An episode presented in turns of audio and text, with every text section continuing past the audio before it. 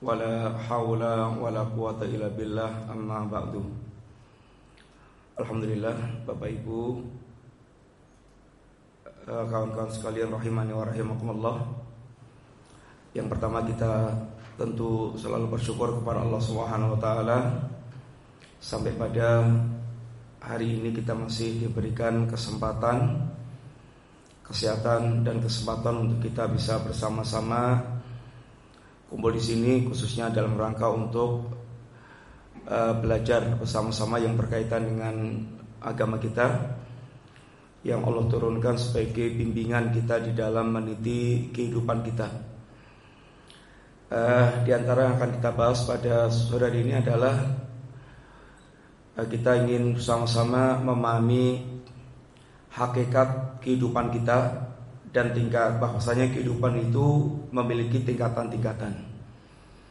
Bapak sekalian, perlu kita fahami bahwa kehidupan kita seperti yang telah kita ketahui secara global ada dua kehidupan yang harus kita rawat.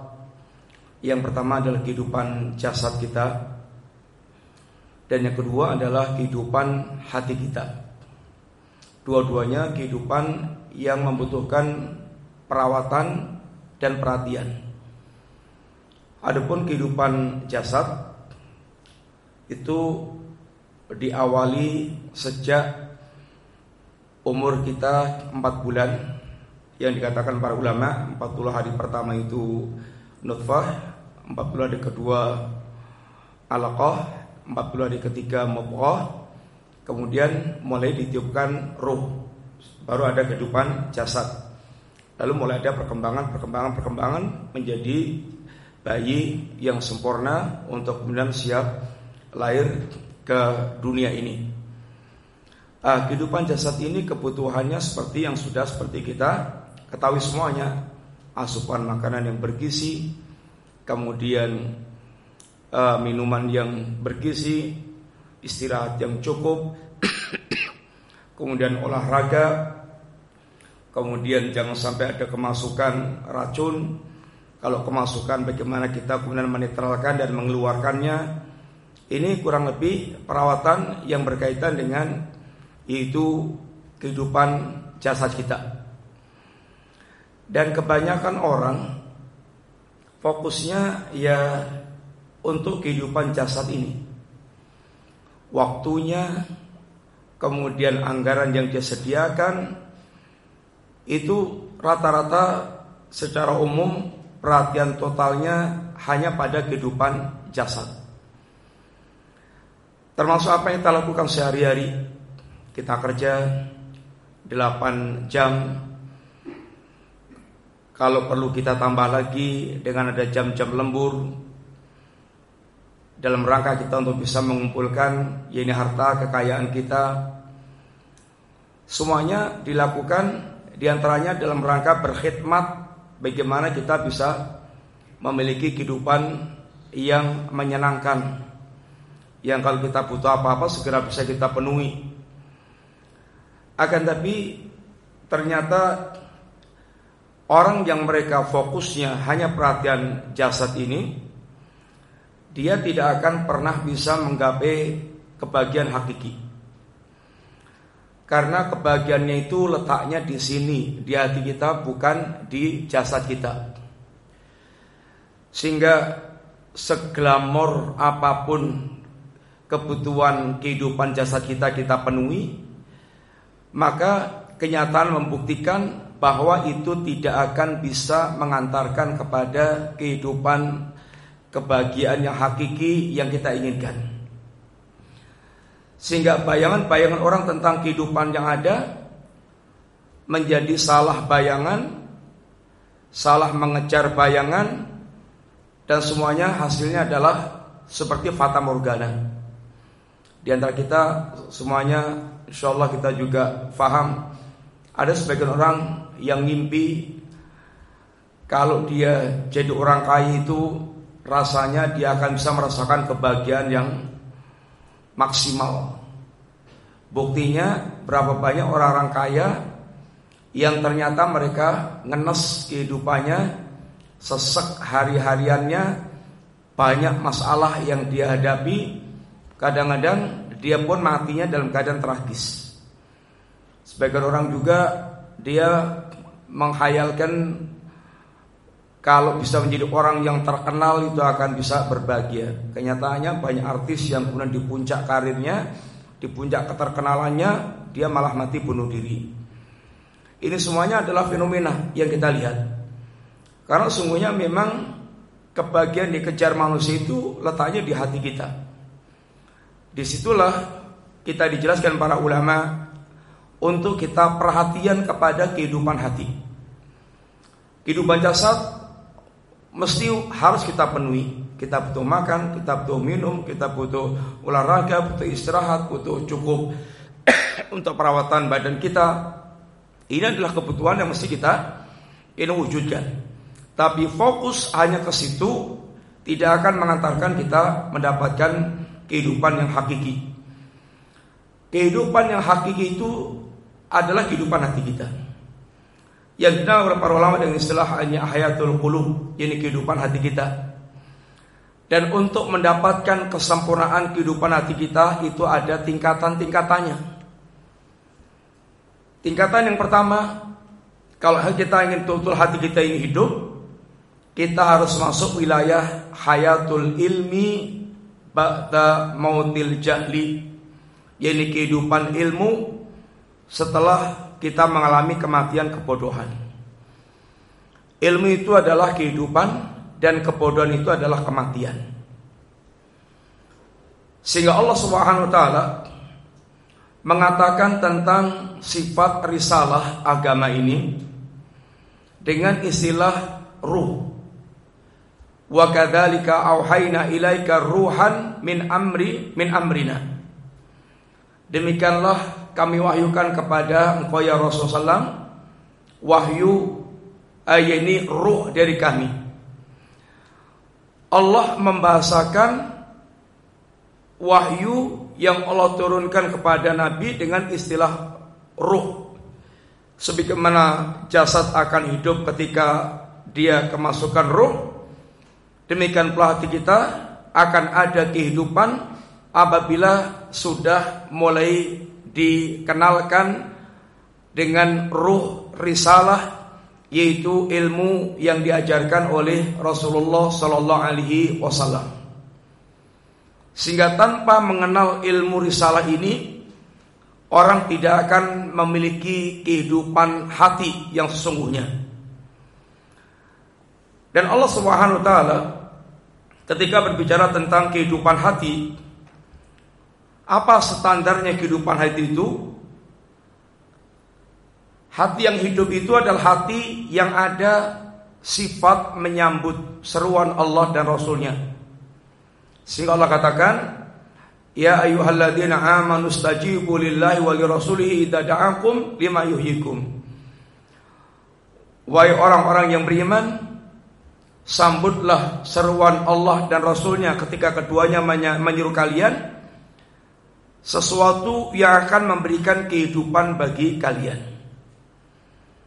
Menyambut seruan Allah dan Rasulnya itu adalah tanda adanya kehidupan dalam hati kita.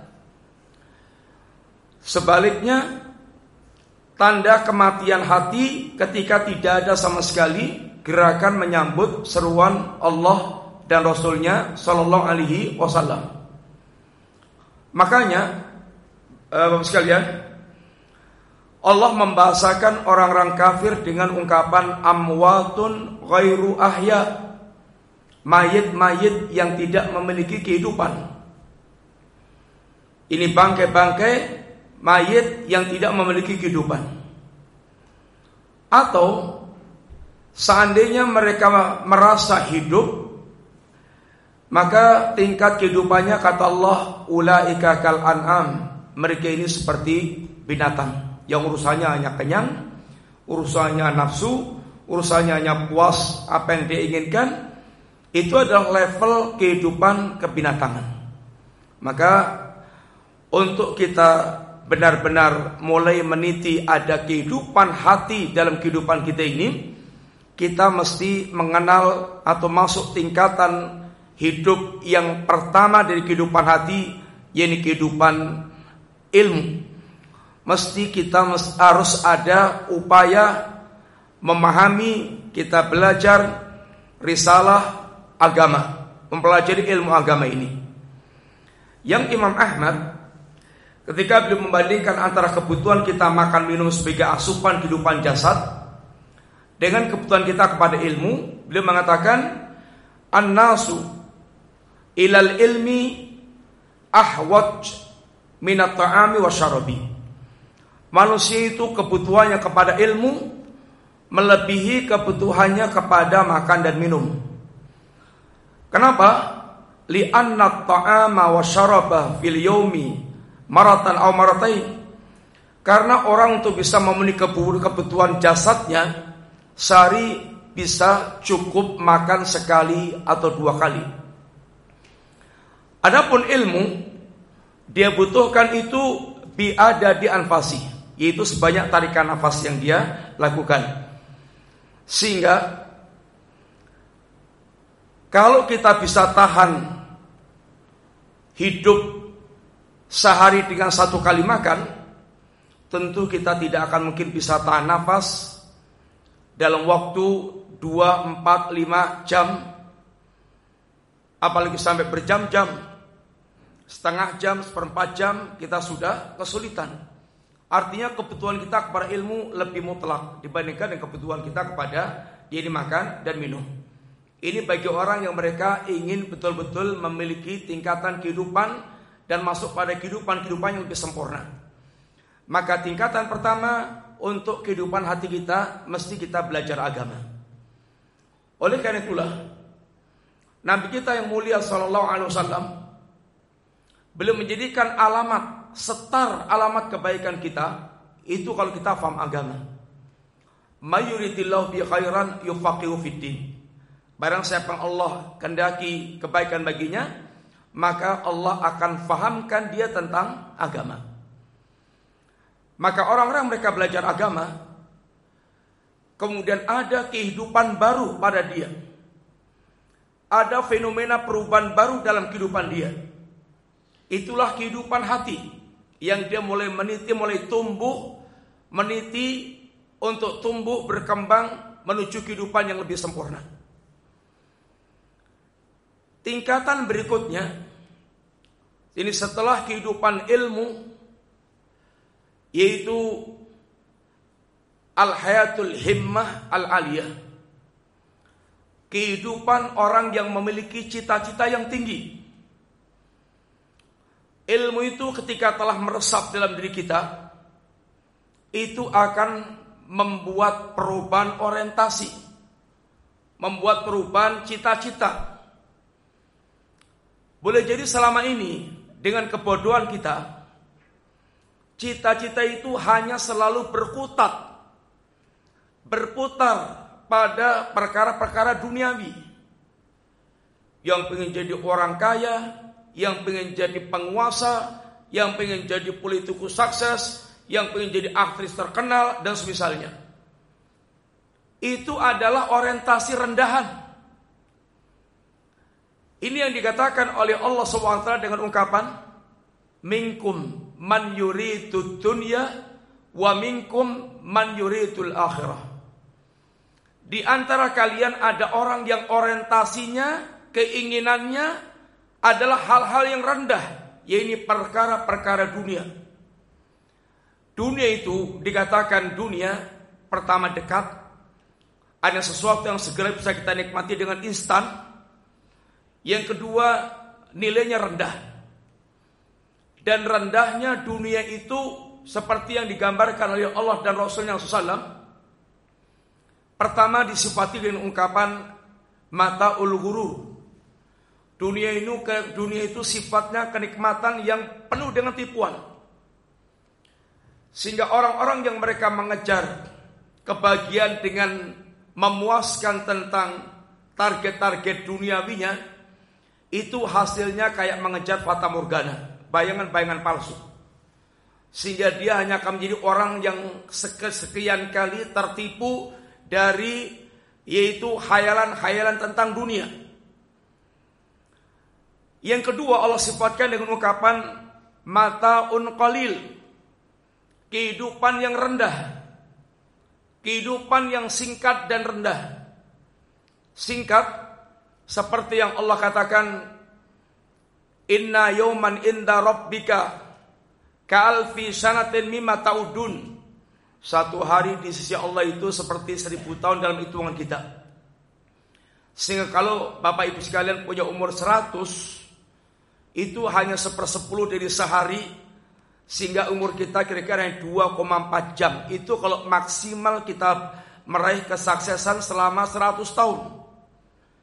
Itu hanya seperti 2,4 jam. Sangat pendek. Bagaimana gambaran rendahnya kehidupan dunia seperti digambarkan oleh Rasulullah Wasallam. Dunia itu tidak lebih daripada sayap seekor nyamuk. Lau kanatid dunya ta'tilu indallahi janaha ba'udah masa masa kal kafir sarbatan ma. Seandainya dunia itu senilai dengan sayap seekor nyamuk, niscaya Allah tidak akan memberikan minum orang kafir lepas teku. Yang kedua kata Nabi, dunia ini tidak lebih daripada nilai bangkai seekor kambing. Seekor kambing yang telah menjadi bangkai. Yang Nabi pernah menemui sebuah atau seekor kambing yang telah menjadi bangkai. Lalu Nabi tawarkan kepada para sahabat, semuanya nggak ada yang mau. Kata Nabi, Wallahi la dunya ahwanu Allah min hada alaikum. Demi Allah, dunia tidak lebih hina. Dunia lebih hina dari ini di sisi Allah Subhanahu wa taala bagi kalian. Yaitu dunia dibandingkan dengan surga Allah janjikan pada kaum mukminin, maka nilainya tidak lebih seperti bangkai seekor kambing. Yang ketiga, Nabi katakan pula, Dunia ini bagikan tetesan air yang menempel jemari kita ketika kita celupkan ke lautan lalu kita angkat. Madunya fil akhirah illa mislu ma yaj'alu ahadukum isba'u fil yammi falyangdur bima yarji. Dunia itu dengan akhirat seperti misalnya seperti di antara Anda mencelupkan jemari ke lautan lalu diangkat, tetesan air yang menempel di jemari itulah gambaran kehidupan dunia. Bahkan Nabi pernah memberikan tafsir yang lebih menjijikan lagi Ketika bertanya pada seorang sahabat, "Matu amuk, apa makanan kamu?" Laham walaban, daging dan susu ya Nabi. Kalau sudah masuk perut jadi apa? Jadi seperti yang engkau juga telah ketahui ya Nabi. Kata Nabi, "Innallaha daraba ma yakhruju minan nas mathalan lidunya." Allah membuat apa yang keluar dari perut manusia sebagai permisalan terhadap perkara dunia. Singkat cerita bahwa dunia itu Allah dan Nabi-Nya telah jelaskan nilainya sangat rendah ketika dibandingkan dengan kehidupan kampung akhirat. Maka orang-orang yang mereka orientasinya hanya dunia itu adalah orientasi rendahan. Orientasi rendahan. Orientasi yang tinggi, cita yang tinggi itu adalah orang mereka bercita-cita yang menggantungkan cita-citanya kepada dunia, yakni kepada akhirat. Oleh karena itulah, bagaimana para sahabat mereka telah merubah cita-cita mereka dari orientasi rendahan di zaman jahiliyah menjadi orientasi yang sangat tinggi ketika mereka telah mengenal Islam. Sehingga kemuliaan itu Standarnya bukan lagi kemuliaan dengan aksesoris duniawi, tapi kemuliaan itu sangat ditaitkan dengan seberapa jauh dia bertakwa di dunia ini kepada Allah Subhanahu wa taala yang akan menjadikan dia mulia di sisi Allah dan dijanjikan jannah. Rasulullah pernah uh, ini Umar bin Khattab pernah mencari-cari Rasulullah SAW Lalu didapatkan Nabi dalam keadaan bangun tidur ngecap tubuhnya dengan tikar. Yang menunjukkan bagaimana Nabi tidur di tempat yang sederhana. Maka Umar sempat meneteskan air mata membandingkan dengan Kisra dan Kaisar yang mereka kafir tetapi glamor dengan kehidupan dunianya bermewah-mewah dengan kehidupan dunianya apa kata Nabi Ya Umar, amma tarda anna lahumud dunya walana al-akhirah. Wahai Umar, tidakkah Anda ridha seandainya untuk mereka dunia dan untuk kita akhirat? Saat Umar menjadi seorang khalifah dan alangkah sangat agungnya nama Umar. Umar itu meninggalkan kaum muslimin dengan mewariskan sepertiga belan dunia untuk kaum muslimin. Itu kalau dibayangkan penguasa dunia, oh sangat luar biasa agungnya penguasa yang telah menaklukkan sepertiga dunia.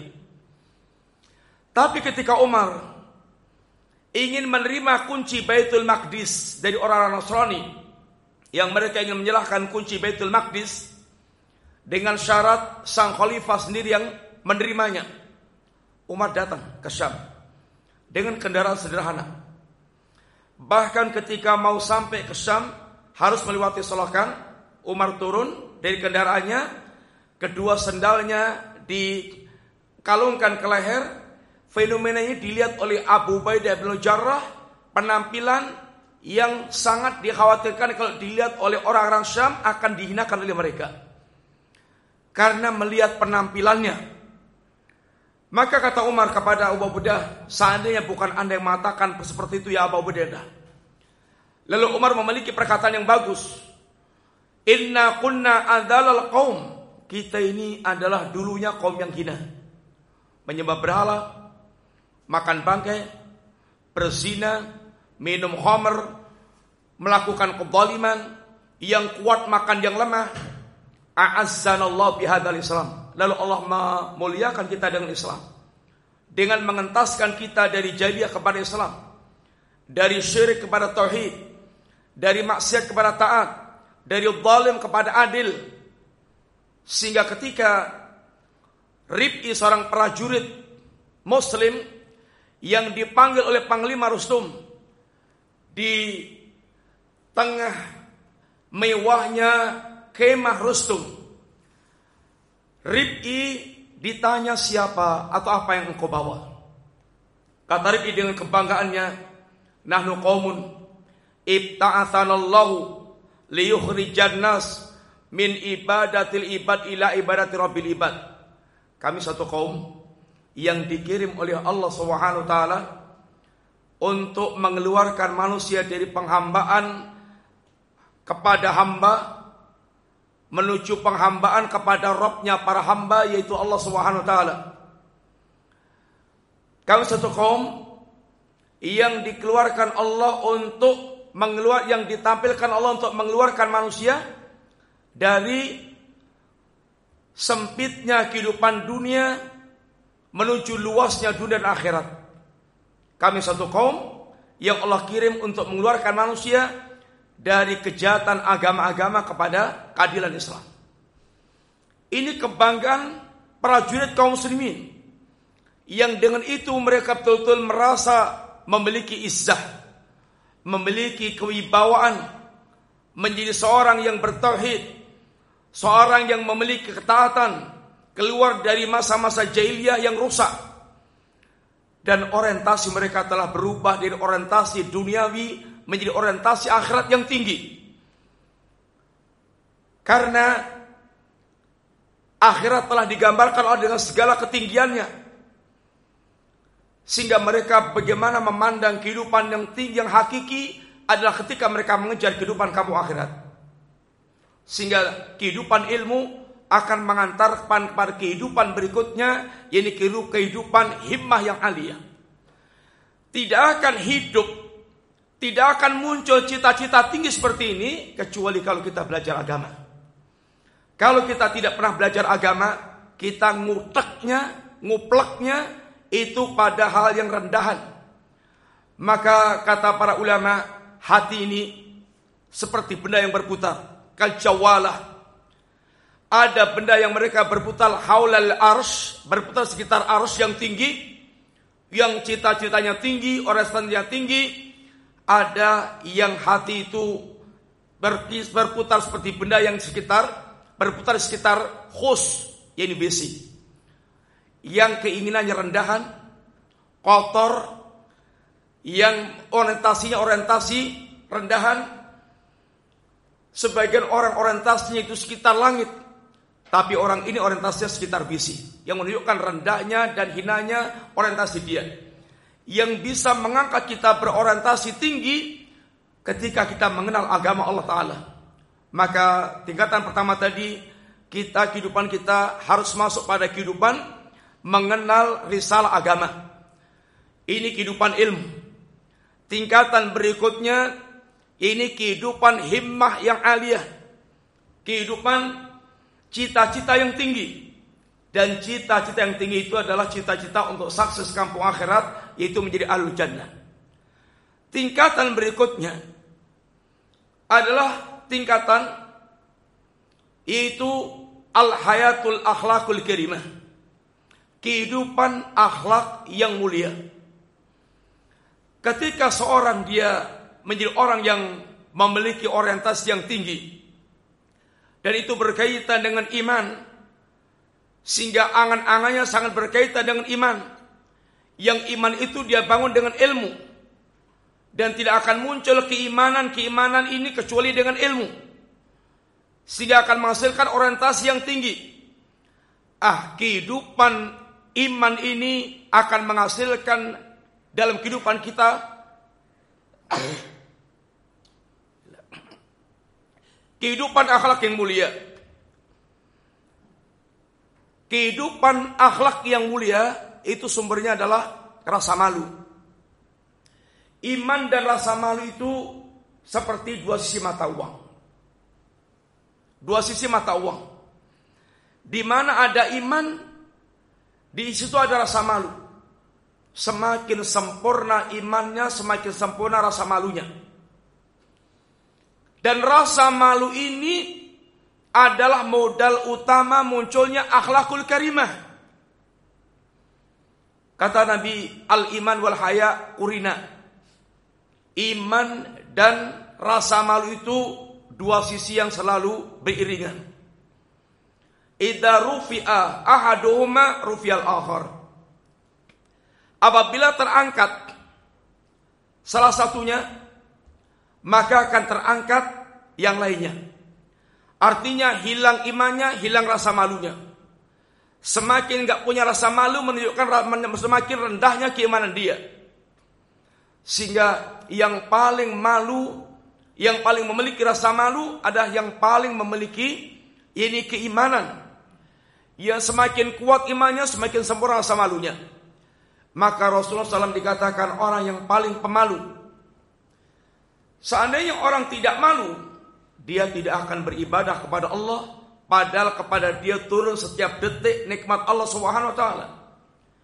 Kalau tidak punya rasa malu, anak tidak akan berbakti kepada orang tua, sedangkan dia bagaimana orang tua memelihara dia dari sejak dia belum lahir sampai dia dewasa.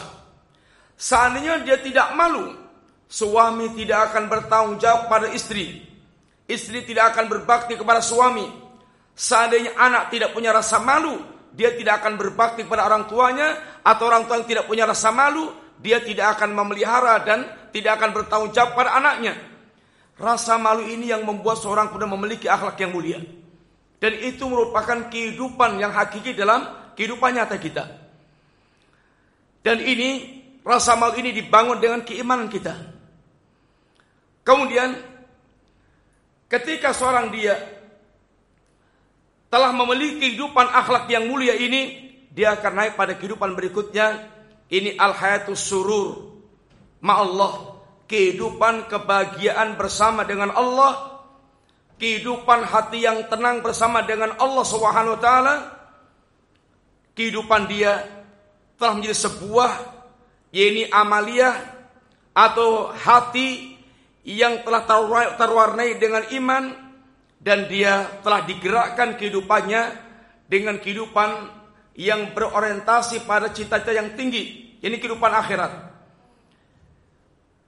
Dunia ini, Bapak sekalian, akan bisa berubah menjadi surga kehidupan bagi hati yang mereka mengenal Allah Subhanahu wa taala. Maka seorang ulama mengatakan dengan ungkapan masakinu ahli dunia. Yang dikatakan orang yang betul-betul miskin dari kalangan ahli dunia itu adalah kharaju yaduku atyaba ma fiha wa ahla. Orang yang mereka sampai matinya dia tidak pernah merasakan sesuatu yang paling nikmat, yang paling lezat.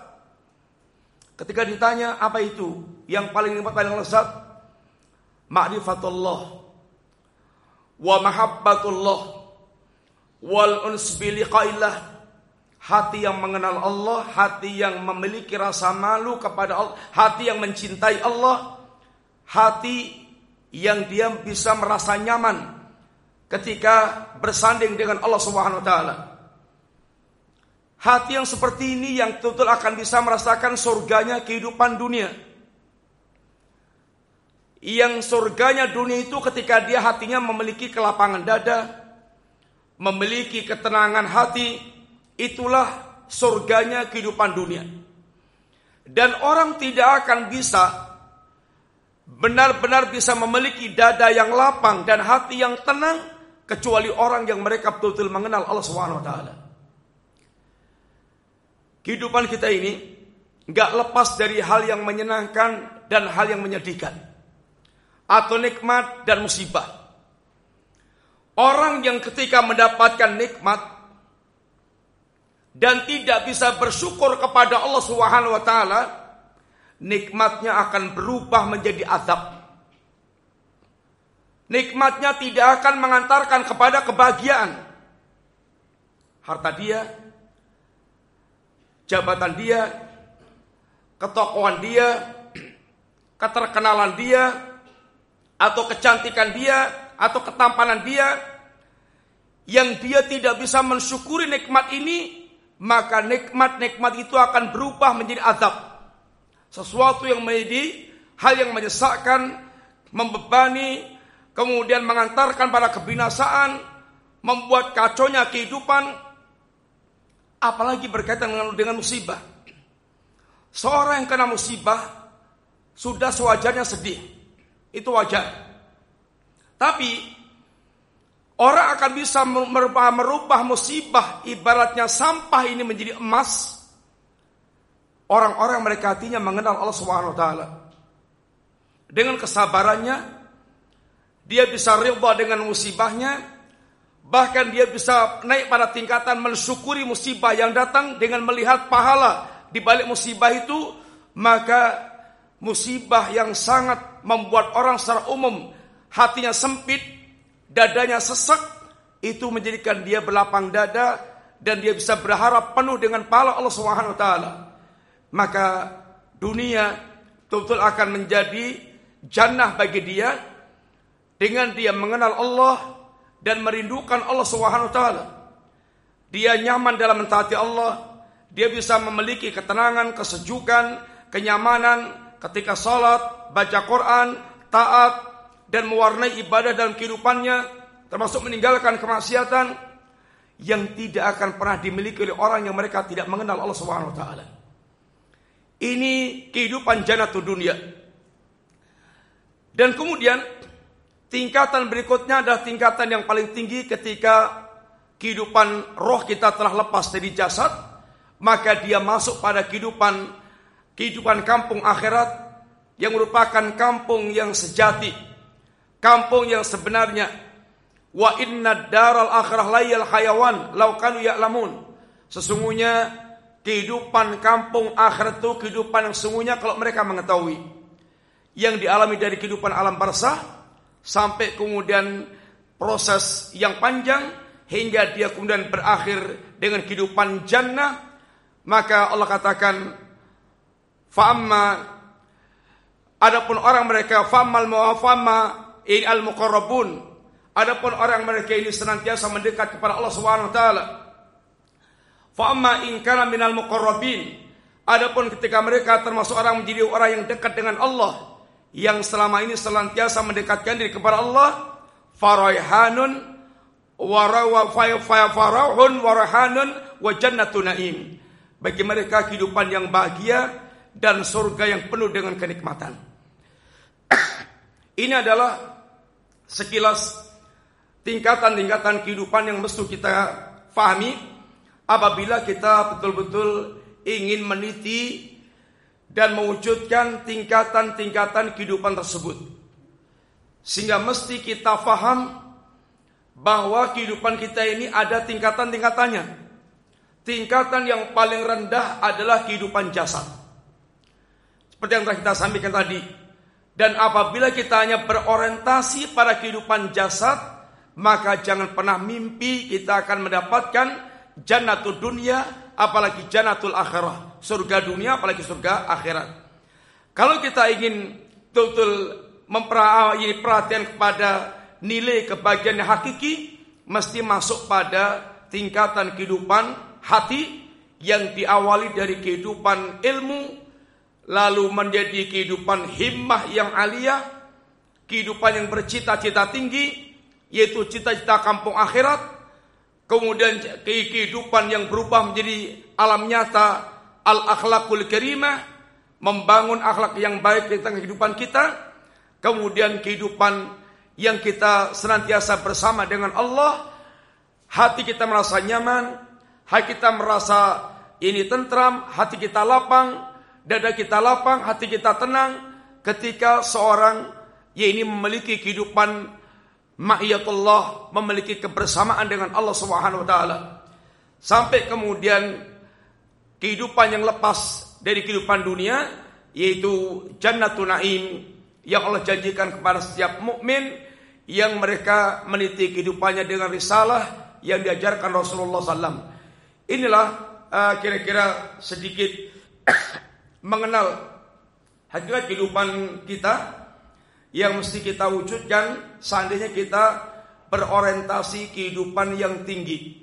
Adapun kalau orientasi kita kehidupan yang rendahan, maka tentu kita tidak akan pernah masuk ke tingkatan yang kedua, ketiga, dan seterusnya. Hanya urusannya ada urusan, yaitu pemenuhan kebutuhan jasad. Sekitar harta, ketenaran, kemudian jabatan, pemuasan nafsu, dan itu tidak akan mengantarkan pada kehidupan kebahagiaan yang hakiki. Ada demikian, Bapak sekalian, secara singkat kita sampaikan. Allah bisa kita perdalam dalam tanjab kalau ada pertanyaan pada si kajian kita kali ini. Demikian, terima kasih banyak. Dan silahkan kalau ada yang mau bertanya.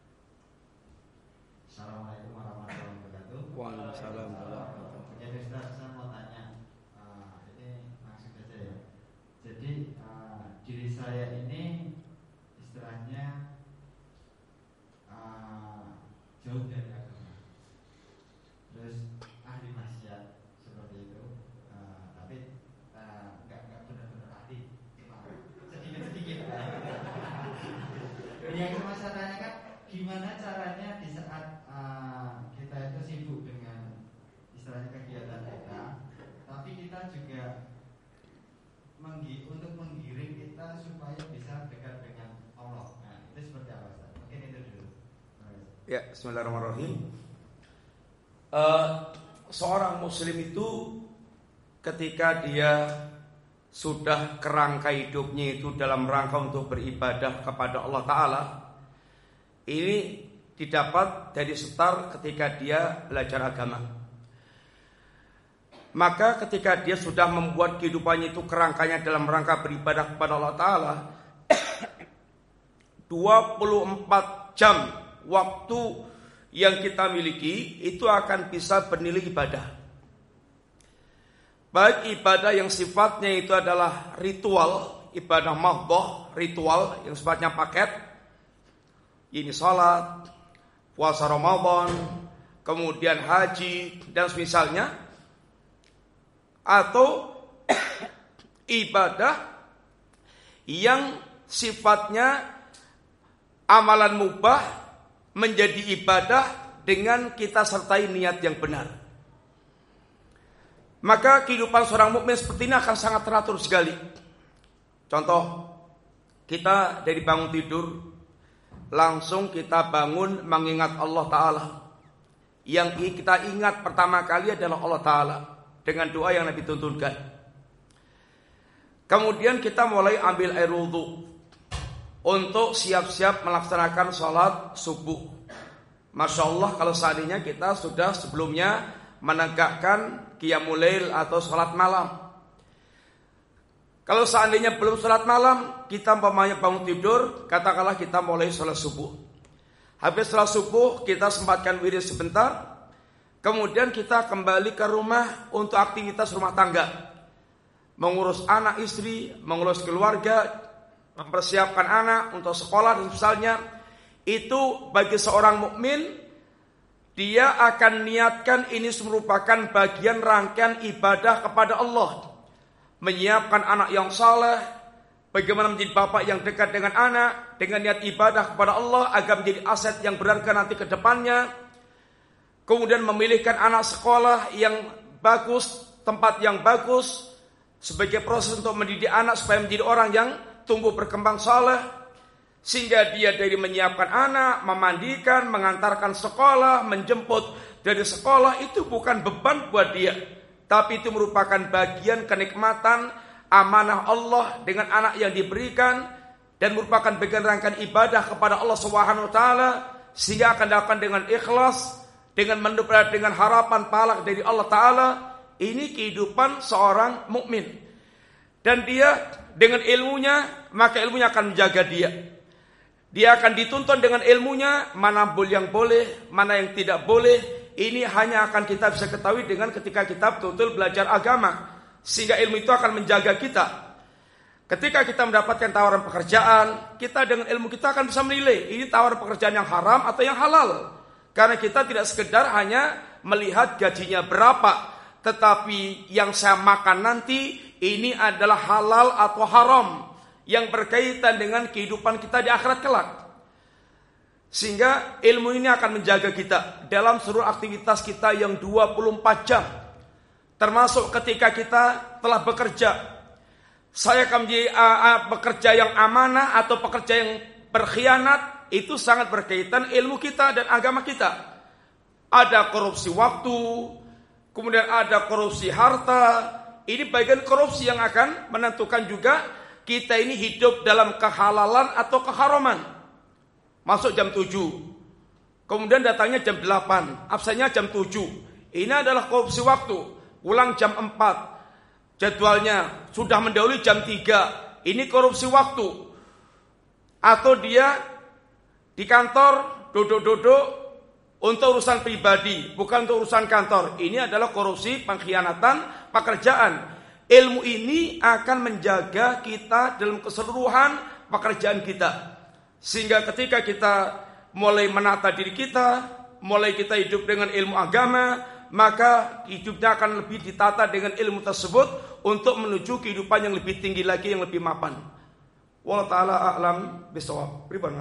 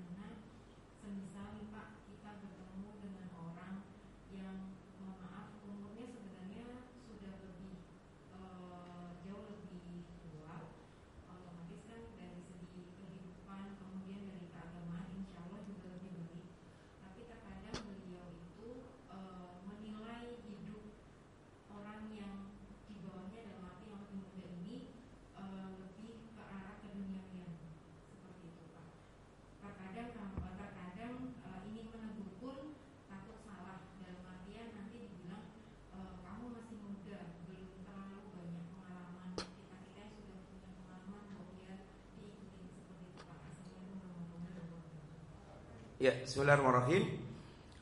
Uh, kalau kehidupan kaum muslimin, yang pertama kalau soal mengingat ingat mengingatkan dan nasab nasati itu berkaitan dengan hakikat ilmu.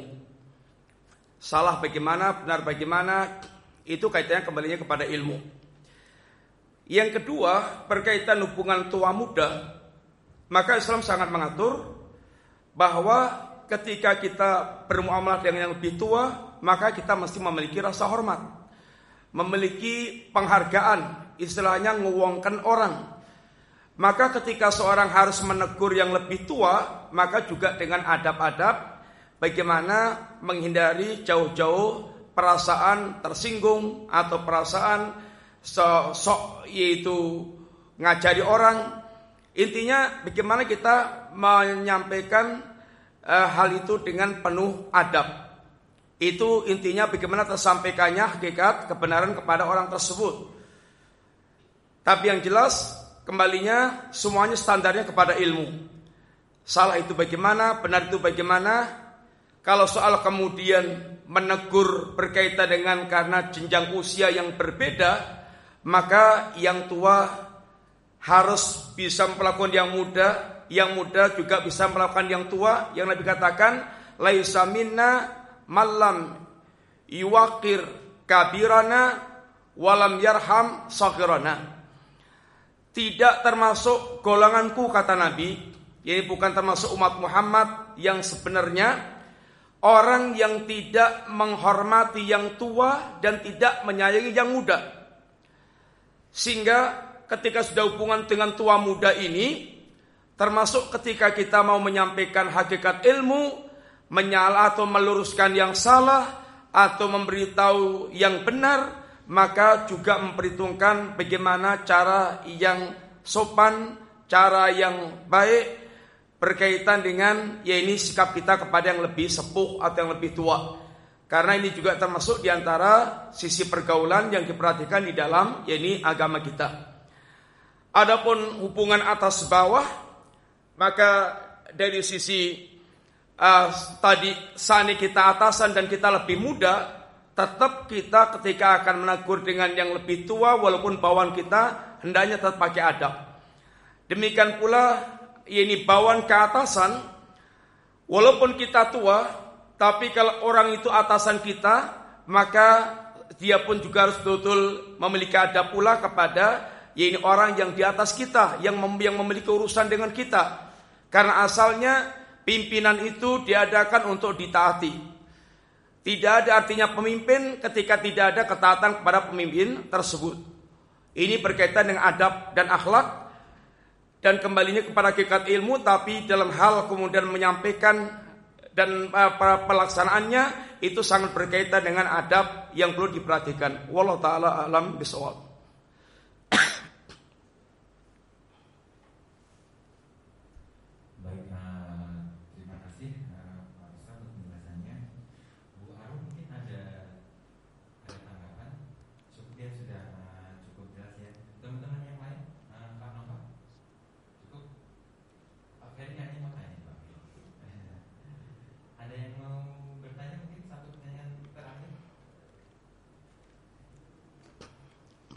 Atau saya aja lah yang tanya-tanya. Tes. Iya. kehidupan secara umum ada dua hakikat kehidupan.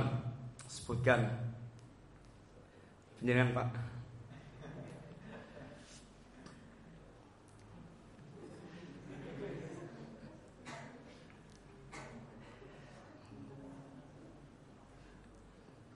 Tapi sudah kita terangkan sekilas. Kehidupan hakiki. Gimana maksudnya? Kehidupan itu ada dua tingkatan secara global. Kehidupan atau dua kehidupan Hakikat kehidupan ada dua kehidupan. Kehidupan apa dan kehidupan apa.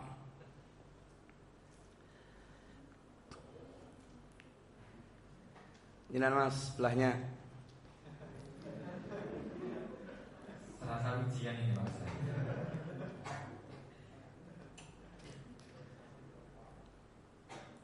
Jenengan sebelahnya lagi.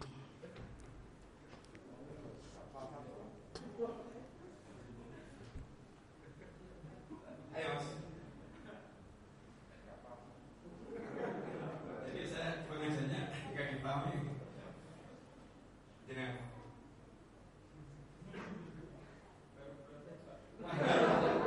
Enggak ada di proses tidak ada. Kalau tidak dapat ya kak, ketemu lagi. Ya mas Kehidupan dunia sama kehidupan akhirat Masih di dunia semuanya sekarang Jadi Jasa dan akhirat Kehidupan jasa dan kehidupan Apa mas? Udah ketemu?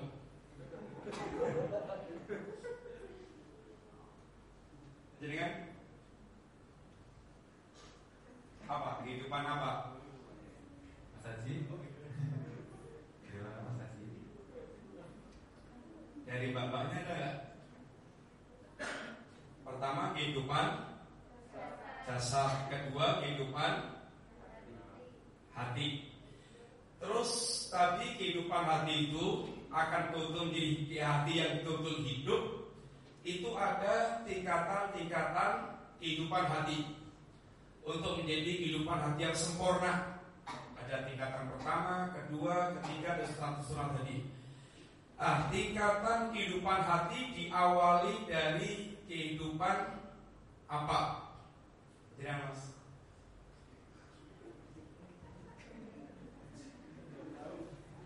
Jaringan sebelahnya.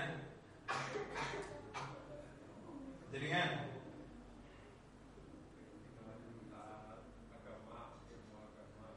Iya, kehidupan hati itu diawali dengan kehidupan ilmu.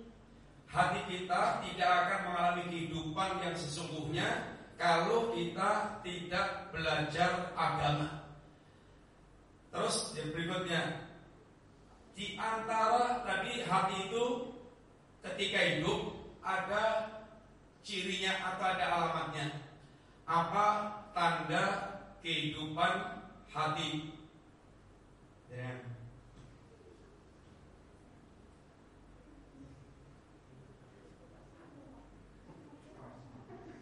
Jaringan. Jaringan. Gimana? Ketika alamat kehidupan ke alamat hati itu ada kehidupan atau alamat kehidupan hati.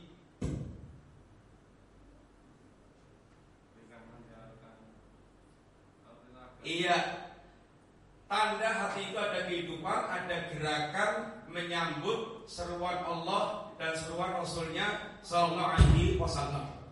Sekalian itu sekilas apa yang kita sampaikan. Rinciannya nanti tidak lagi dalam kalau nyatet, kalau nggak nyatet ya kalau mau lihat rekamannya juga bisa dilihat. Intinya kita harus mengawali kehidupan kita dengan kehidupan memahami agama Allah Subhanahu wa taala. Kalau kita tidak ada upaya memahami agama Allah, maka kita tidak akan pernah mendapatkan kehidupan hati kita. Ini start awalnya di situ. Ketika kita nanti sudah mulai paham agama, itu akan mulai ada orientasi-orientasi yang berubah yang tadinya orientasinya sekitar dunia, hanya ngelutak urusan dunia, kita akan punya orientasi yang mulai berubah. Ini akan sangat ditentukan dengan ini kadar seberapa besar kita memahami agama Allah taala. Dan itu akan berkaitan dengan kesempurnaan kehidupan hati kita. Demikian Bapak sekalian semoga manfaat. Insyaallah ada mudah-mudahan kita uh, senantiasa dibimbing oleh Allah taala dengan hati kita punya kecenderungan kepada agama karena ini merupakan modal pokok kita dalam uh, mengarungi kehidupan kita dan modal kita untuk betul-betul bisa memahami atau memilah-milah semua yang ada di tengah-tengah kehidupan kita sehingga kita akan bisa berjalan lurus sampai kita kembali kepada Allah Subhanahu wa taala. Demikian eh, terima kasih banyak segala kurang minta maaf. Jazakumullah khairan. Wassallallahu ala nabiyyina Muhammadin wa ala alihi washabbihi wasallam. Subhanakallahumma wa bihamdika asyhadu an la ilaha illa anta astaghfiruka wa atubu ilaik. Assalamualaikum warahmatullahi wabarakatuh.